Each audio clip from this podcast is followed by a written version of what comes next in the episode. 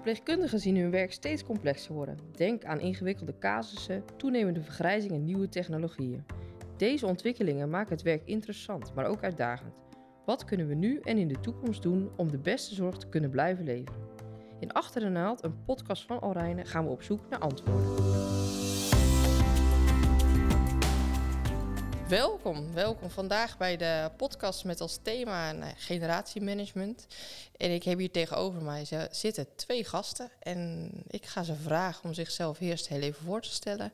En ik ga beginnen met Nick. Nick, zou jij jezelf voor willen stellen? Nou ja, mijn naam is Nick. Ik ben nu drie, uh, anderhalf jaar verpleegkundige in het Alrijnen ziekenhuis. Uh, ik ben 30 jaar, bijna 30 jaar. Welkom. En Nick, op welke afdeling werk je? Uh, neurologie. Neurologie, Neurologie neurochirurgie. Nou welkom, Dick. En daarnaast hebben we zitten Jolande. Jolande, zou jij jezelf voor willen stellen? Ja, dat zou ik doen. Ik ben Jolande Schutte. Ik ben opleidingsadviseur op afdeling B3. Dus op de afdeling waar uh, Nick als verpleegkundige werkt. Dat is wel toeval, maar goed.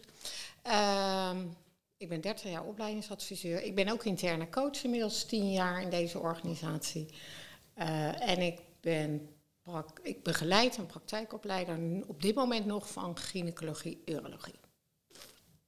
Oké, dat is wel mooi eigenlijk. Nick 30 jaar, Jolande al 30 jaar opleidingsadviseur. Ja. voordat we verder gaan. Mijn naam is Monika Daniels. Ik ben nu voorzitter van de Verpleegkundige Adviesraad. En daarnaast werkzaam als lecture practitioner bij de Alreina Academie. En ik ga jullie meenemen in dit onderwerp. Ik hoorde jou net heel veel zeggen, ja, van 30 jaar opleidingsadviseur en Nick 30 jaar. Als je daar even op terugkijkt, 30 jaar. Um, en we hebben het over generaties. Wat is de grootste verandering die jij hebt zien gebeuren nou ja, in het gebied van opleiden? Wat ik in ieder geval ervaren heb of heb zien gebeuren, is dat, um,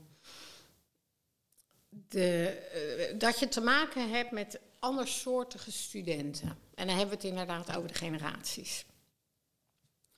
Uh, wat heel veel met zich meedroeg. Ik heb, ik heb ook gezien dat wij als adviseurs op een andere manier ons werk deden. In relatie tot de verschillende doelgroepen. Uh, dat wij anders werkten, dat we op de werkvloer werkten en nu meer op afstand. Dat heb ik ook zien gebeuren. Uh, dat ik collega's heb ooit had ik collega's, die waren eigenlijk allemaal bijna net zo oud als ik. Uh, en dat wij inmiddels een team zijn van hele andere collega's die veel jonger zijn, die in de leeftijd ook van jou zijn. Of in ieder geval één.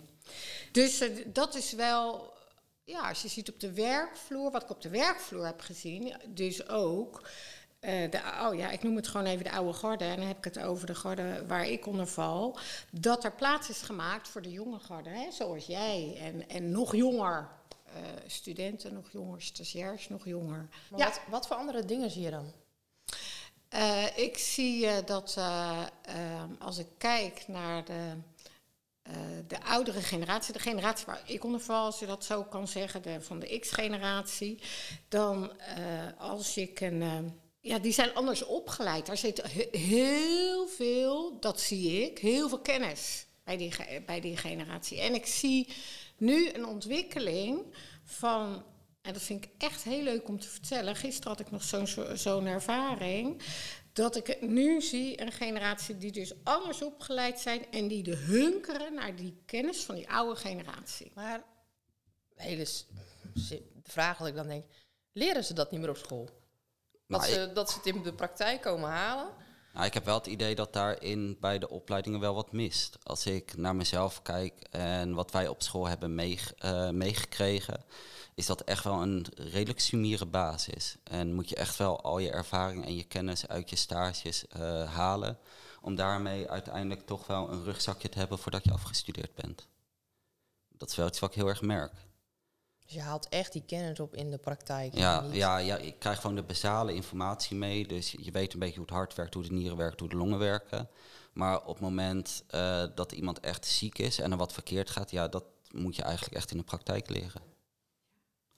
En dat is eigenlijk wel een tekortkoming, vind ik. En het is wel mooi dat je daarvoor de oude garde hebt, die daar wel die ervaring mee hebben en wel de tools hebben om dat mee te geven en dat je er uiteindelijk ook wel wat kundiger in kan worden. En dat is eigenlijk dus iets wat je wel oprecht van elkaar kunt benutten. Want wat ik hoor, zeg maar, van ja, we, verschillende generaties, hoe moeten we tot elkaar komen? Maar als ik dit dan hoor, denk ik, moeten we wel tot elkaar komen? Of moeten we meer zorgen dat we weten wat kunnen we van elkaar benutten? Ik denk dat je het beste is om te kijken wat je van elkaar kan benutten. Ik denk dat je niet zozeer naar elkaar toe moet komen, maar moet kijken waar je uh, welk poppetje het beste in kan zetten. En dat je dan een beter functionerend team krijgt dan dat je iedereen naar elkaar toe gaat proberen te krijgen. Ja, dus niet iedereen hoeft te digitaliseren. Nee, nee, absoluut niet. Weet je, de jonge garde is daar gewoon veel sneller in en veel beter. En dat merk ik ook op de afdeling. Ja, en voor ons is het uh, misschien twee, drie minuten werk. Terwijl het als wij het de oude garde moeten leren, ja, dan zijn we bij wijze van spreken een week bezig. En dat is toch weer zonde van die tijd. Uh, terwijl dat voor ons heel makkelijk is. En dan kan de oude garde kan weer die tijd investeren in het onderwijzen en het begeleiden van de jonggediplomeerden ja. en de jongeren. Maar dat, dat is ook zo leuk, dat, en dat, dat is op onderdelen, hè, wat jij nu schetst, dat je uh, de kwaliteit benut van iemand en bij elkaar het weghaalt, ja. om maar zo te zeggen. Want bij 1 en 1 is 3, hè, dat verhaal. En dan denk ik, en dat dat omgekeerd ook weer gebeurt. Hè? Dat inderdaad de oudere generatie denkt van... ja, dat weet ik niet hoe dat precies werkt met dat uh, portfolio gedoe. En, uh, joh, uh, weet je dit, help mij even. Daar gaat het toch over. Ja, dat zeg ik dan weer als verbinder. Van, dat ik denk, laten we vooral zorgen dat we elkaars, van elkaars kwaliteiten gebruik ja. maken. Want we hebben elkaar hartstikke nodig. En we hoeven niet hetzelfde te worden. Doen we dat al? Op onderdelen. En ik denk dat op onderdelen het nog beter kan. Ja. Maar goed, dat denk ik. Ja, ik, ik zie Nick ook ja. knikken en lachen. Ja. Want uh, op onderdelen, waar doen we het dan wel? Uh, ja, het elkaar onderwijzen en elkaar begeleiden, het helpen, dat dat echt wel de punten zijn wat heel goed gaat op dit moment. Mooi. Herken jij dat ook als opleidingsadviseur, dat, dat we elkaar daarin al weten te vinden? Ja, het zit nu ook soms op individuen hè, dat doen. Want het zegt ook iets over kwetsbaar durven zijn. En je eigen uh, ontwikkeling onder ogen willen zien en durven zien. Uh, dus het vraagt ook wat van ieder individu om dat te doen en die vraag te stellen. En daarin het vertrouwen te hebben, ik weet heel veel wel, maar ik weet ook heel veel niet. Dus dat kunnen we delen en dan het gevoel hebben dat wordt, daarin wordt ondersteund en niet afgebrand. Hè? Dus ik denk wel dat het, het gebeurt, zeker, want dat herken ik ook. En het zou van mij nog verder mogen en nog meer uitrollen. En dan denk ik ook in dingen van gezamenlijk naar uh, de, de, de, jongere generatie. Die is van kort en krachtig, zeker die Z-generatie. En die is niet van lange tekst en bla bla bla. En dan denk ik, jongens, hoe gaan we dit nou doen? Wat kunnen we hier nou mee? Dat de inhoud wel en de kennis hè, van protocollen, dat dat allemaal wel meegenomen wordt, maar toch hoe kunnen we dat dan korter aanbieden? Dus ga met elkaar aan de slag. Hoe kunnen we dingen beter aanbieden? Snap je? Ja. Nou ja, het grootste probleem wat er op dit moment is als je kijkt naar het onderwijs, wat ik zelf heb ervaren en ook nu zie bij leerlingen, is dat een groot deel van hetgeen wat je leert en meekrijgt niet meer uh, werkt zoals in de praktijk. Um, als je kijkt naar bijvoorbeeld het ziekenhuis. Ik ben heel erg uh, opgeleid met de Gordon, de uh, manier van een verpleegplan opstellen. Terwijl als je het ziekenhuis inkomt, je opent Hicks, je zet, verpleeg, uh, je zet een kant-klaar verpleegplan neer en dat is het. En zo zijn er nog wel wat aspecten binnen een opleiding die er eigenlijk voor zorgen dat er een mismatch is tussen de opleiding en de praktijk. Waardoor je dus ook wel een kloof krijgt. En een student die dan het ziekenhuis inkomt, eigenlijk al met een achterstand begint, uh, omdat weer dat andere systeem moet leren. En wat je vervolgens krijgt is dat de opdrachten niet passen met hoe het precies in het ziekenhuis gaat, of in een verpleeghuis of in de GGZ. Waardoor het voor een student ook heel lastig wordt om uh, binnen de opleiding en hetgeen wat ze in de praktijk gevraagd wordt te manoeuvreren. Ik, ik denk dat dat zo is, hè, wat Nick zegt, die, die uh, leerwerkunits. Dan heb je echt het met elkaar uh, leren. Dus dat, dat is heel mooi. Dat ben ik helemaal met je eens. En dan, dan kunnen ze ook dat stuk leren doen, omdat ze die backup hebben. Hè? Om maar zo te zeggen, en het is niet alleen maar volgen wat een ander doet, maar het is echt doen, reflecteren en weer een volgende stap mogen maken. ook al hoorde ik pas dat er inderdaad weer geluiden zijn van in service opleiden. dat dat mogelijk ook wel weer in de landen gaat gebeuren. Nou, wie weet. Ik denk dat het aller, allerbelangrijkste is hoe je nou ook opleidt. Of het nou is zoals nu, maar dat je de inhoud en de manier waarop, dat het van belang is dat je dat met verschillende generaties ontwikkelt. Omdat je dan, uh, ja, dan, dan, ja dan, heb, dan heb je die 1 en 1 is 3. Dus ook de ontwikkeling. Los van het feit dat ik vind dat ik wel verwachtingen mag hebben naar studenten. Ook al zijn ze een andere generatie groot geworden. Ja, in de voorbereiding ook, ondanks dat we zeiden, je hoeft niks voor te bereiden op deze podcast, vond ik gewoon een leuke zin. dingen. En die, die gaf wel mooi weer eigenlijk uh, het gesprek wat we hier ook wel deels met elkaar hebben. En ik, ik lees hem heel even netjes voor. Um, de oudste generatie leeft om te werken. Die gaat pas naar huis als het werk af is. En de jongste generatie, de generatie Z, dat is eigenlijk de huidige lichting studenten, stagiaires waar we mee te maken hebben. Um, die gaat naar huis als het tijd is. Die hechten veel waarde aan het privéleven. Het is de generatie die zegt: Dit is wat ik belangrijk vind en dit is mijn leven. Is dat herkenbaar voor jullie? Nou, enigszins wat ik wel altijd heb is: uh, je kan niet altijd alles afkrijgen. En ik denk dat dat ook wel iets is waar uh, de oudere generatie zichzelf in moet gaan beschermen. Is dat je echt wel merkt dat die soms tot twee uur s'nachts nog zitten na een avonddienst om wat af te maken. Terwijl dat, zeker de huidige generatie waar ik dan onder val, zoiets heeft ja maar weet je, we werken in ploegendiensten. Dat houdt in dat je zorgt dat zoveel mogelijk werk af is. Maar wat niet af is, moet de volgende ploeg uh, overnemen.